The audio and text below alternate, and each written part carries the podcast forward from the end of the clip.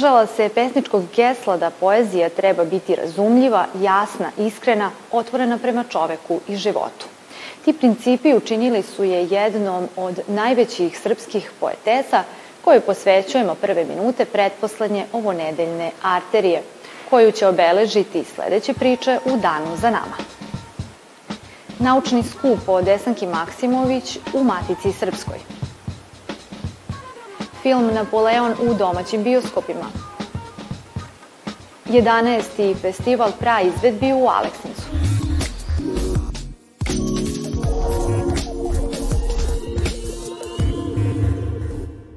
Čitajući svoju poeziju, obišla je više svetskih gradova i kontinenta. UNESCO slovenski projekat 1998. godine proglasio ju je za ličnost kulture, a povodom 100 godišnjice od njenog rođenja. Matica Srpska organizovala je naučni skup posvećen delu Desanke Maksimović, na kojem je pozdravnu reč održao predsednik Matice Srpske Dragan Stanić. Dobrodošli u Arteriju. Na koji način je najstarija srpska ustanova kulture i nauke sarađivala sa našom slavnom pesnikinjom? Jedan ekskluzivni podatak je taj da je e, Desanka Maksimović po svemu sudeći e, književnik koji je najduže sarađivao sa letopisom Matice Srpske. Ona je prvi tekst objavila 1925. poslednji 1991. godine i to je dakle neki 67 godina neprestane saradnje. Ja mislim da je prelomni trenutak u e, njenoj recepciji, da se zbio tamo od e, knjige e, Tražim pomilovanje iz 1964. godine i posle toga su usledile knjige Nemam više vremena, Letopis Peronovih potomaka, gde je definisan njen pogled na svekoliku i srpsku, ali i slovensku kulturu. I kada je ta dimenzija dodata njenom inače osvedočenom lirizmu i toj senzibilnosti koju ona iskazala i ranijim svojim knjigama, onda je postalo jasno i Matica je to e, registrovala da je ona jedna od naših zaista najvećih pesnika.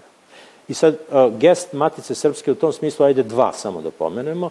Jedan je gest taj što je ona po drugi put dobila Zmajevu nagradu za pesništvo. Niko od srpskih pesnika nije dobio dva puta, jedino Desanka Maksimović, 50. godina za knjigu Miris zemlje i posle e, toga 73. godine za knjigu nema više vremena.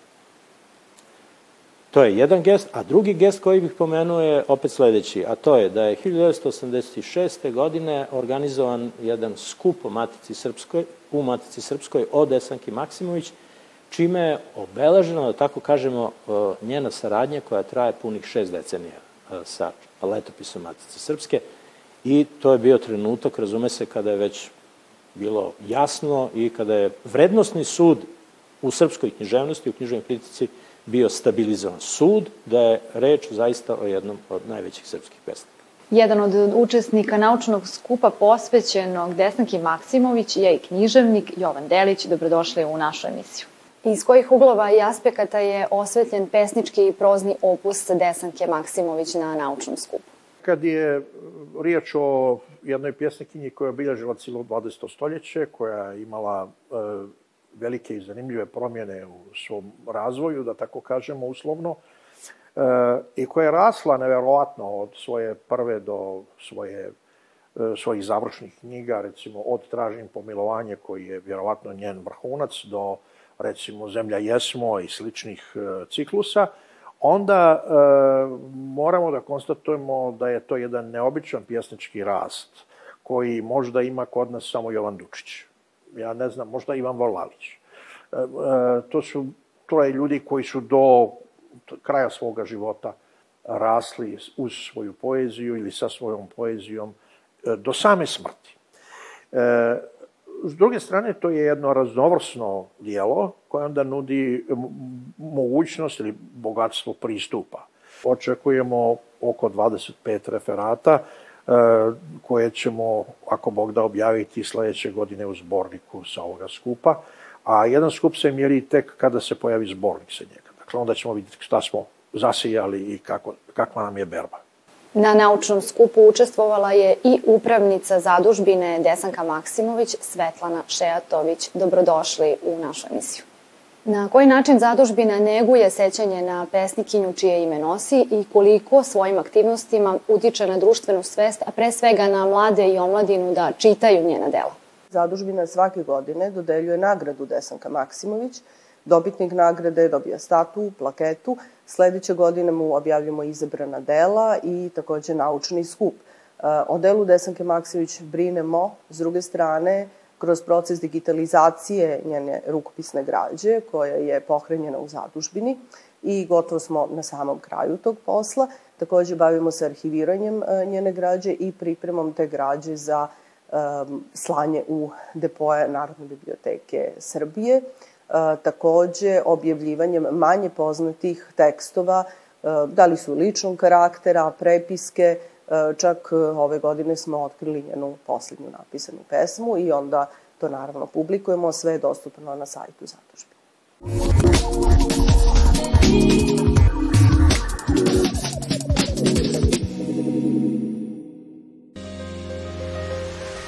Selimir Radulović, Nenad Šaponja, Zoran Đerić, Gordana Đilas, Đorđe Pisarev, Sunčica Radulović-Torbica, Mirko Dimić, Jelena Marićević-Balać i Franja Petrinović predstavili su svoje najnovije naslove četvrtog dana nedelje novosadskih pisaca u njihovom klubu.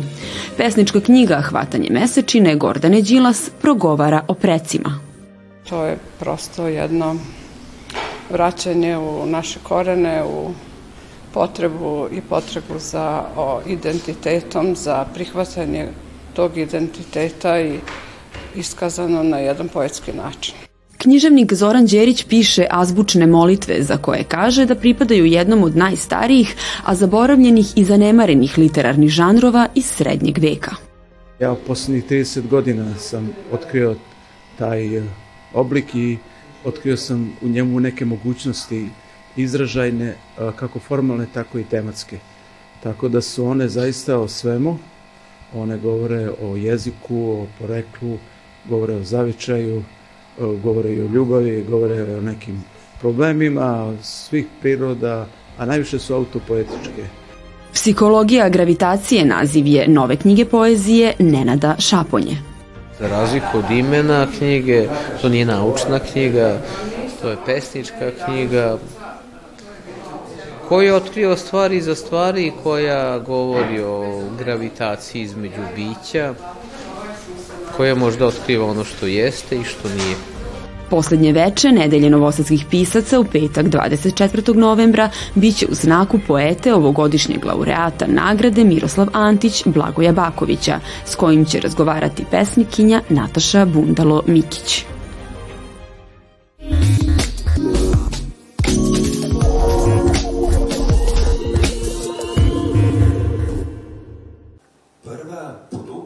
Šesti dan Dezire festivala savremenog teatra pred subotičku publiku doneo je Škofjeloški pasion, najstarije sačuvano dramsko delo na književnom slovenačkom jeziku u vidu predstave Prešernovog pozorišta Kranji i Gradskog pozorišta Ptuj. Sadržina Škofjeloškog pasiona nam u 13 prizora prikazuje istoriju spasenja, od proterivanja Adama i Eve iz raja do Hristove smrti. To je najstariji dramski tekst na slovenačkom i proverio sam danas i u svim slovenskim jezikama je to jedan prvih dramskih tekstova. E, ali Jerne Lorenci to je izradio kao totalnu savremenu predstavu. Ja mislim da je stvarno, to je jedna mojih najomiljenih od njegovih predstava i uh, ja mislim da je stvarno izvukao to što je bitno za nas ili da smo vjerni ili da nismo, ali govori o predstava o, o današnjici, o, o, o savremenosti. Škofjološki pasion svojom intimom i skučenošću na sceni sa jedne i detaljnim opisom tehnike raspeća sa druge, od publike očekuje introspekciju. Nije šok terapija, ali je neko putovanje kroz život pojedinaca, nekog čoveka. Da, da. Mislim, svaki može se u ovome mislim da, da Pronač. se na, pronače. Dezire ide dalje. Večera su na sceni bila deca Narodnog pozorišta iz Beograda, a u nedelju se festival završava izvođenjem slovenačke predstave Heroj 4.0. direktora našeg festivala. U organizaciji Centra za kulturu Aleksinac od 22. do 27. novembra održava se 11. festival prvoizvedenih predstava. Publici su se prvi poklonili glumci Bitev teatra sa predstavom Bilo jednom na Brijunima u režiji Kokana Mladenovića. Fantazija na osnovu jedne fotografije u formi dokumenta priča priču o susretu Tita i Jovanke Broz sa Richardom Bartonom i Elizabeth Taylor. Ovo dvoje smo uzeli kao predstavnika nečega što se zove američki san, jel? Koji je tada bio u punom piku i zamahu. A ovo dvoje su bili predstavnici još uvek onog uh, ideje socijalizma, komunizma, kako god ga nazivali. Čini mi se da nam je to negdje bila namera da bez ikakvih uh, politizacije, bez ikakvog tog nekog sećanja na, na to vreme, nego da napravimo u stvari se zapitamo ko su, ko su veći glumci, da li su ti političari veći glumci od tih hollywoodskih zvezda, ko smo mi u svemu tome.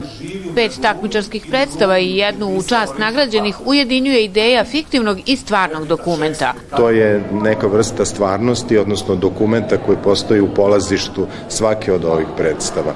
On je, on, to polazište je polazište za dramaturge, reditelje i glumce, a izazov za publiku da u odgovoru na teme koje im predstave postavljaju nađu i odgovore na ovu stvarnost koja nas e, svakodnevno okružuje.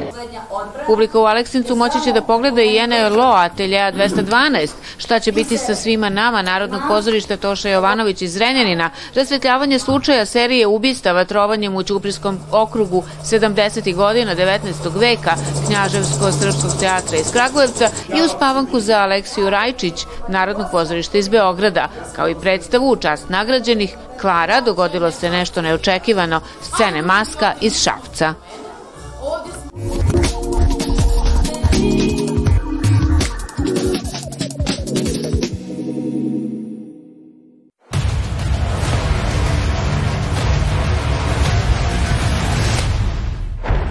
Od danas na repertoaru našeg bioskopa možete uživati u očaravajućoj interpretaciji Oskarovca Joakina Phoenixa u ulozi francuskog cara Napoleona.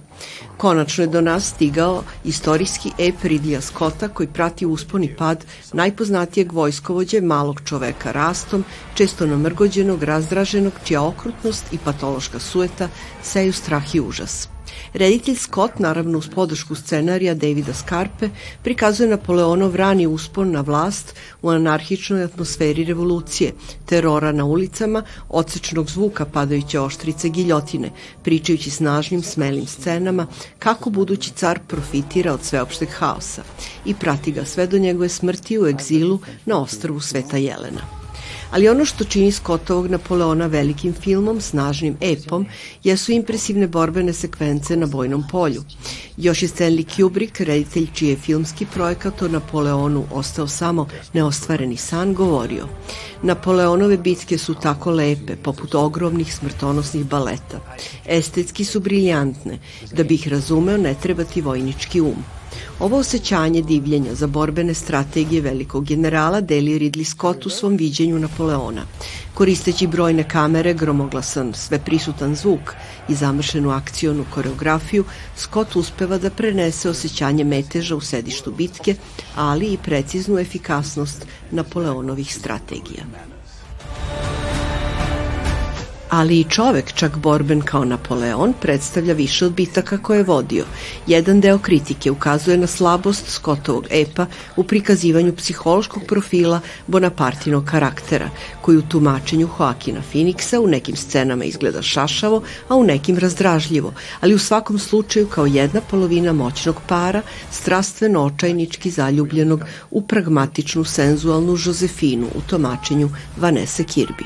Ovaj zaraćeni par kritičar Guardiana nazvao je Bartonom i Taylorovom carske Francuske. I simply never do. Kulturni centar Novog Sada biće sutra domaćin trećem festivalu filmskih autorki.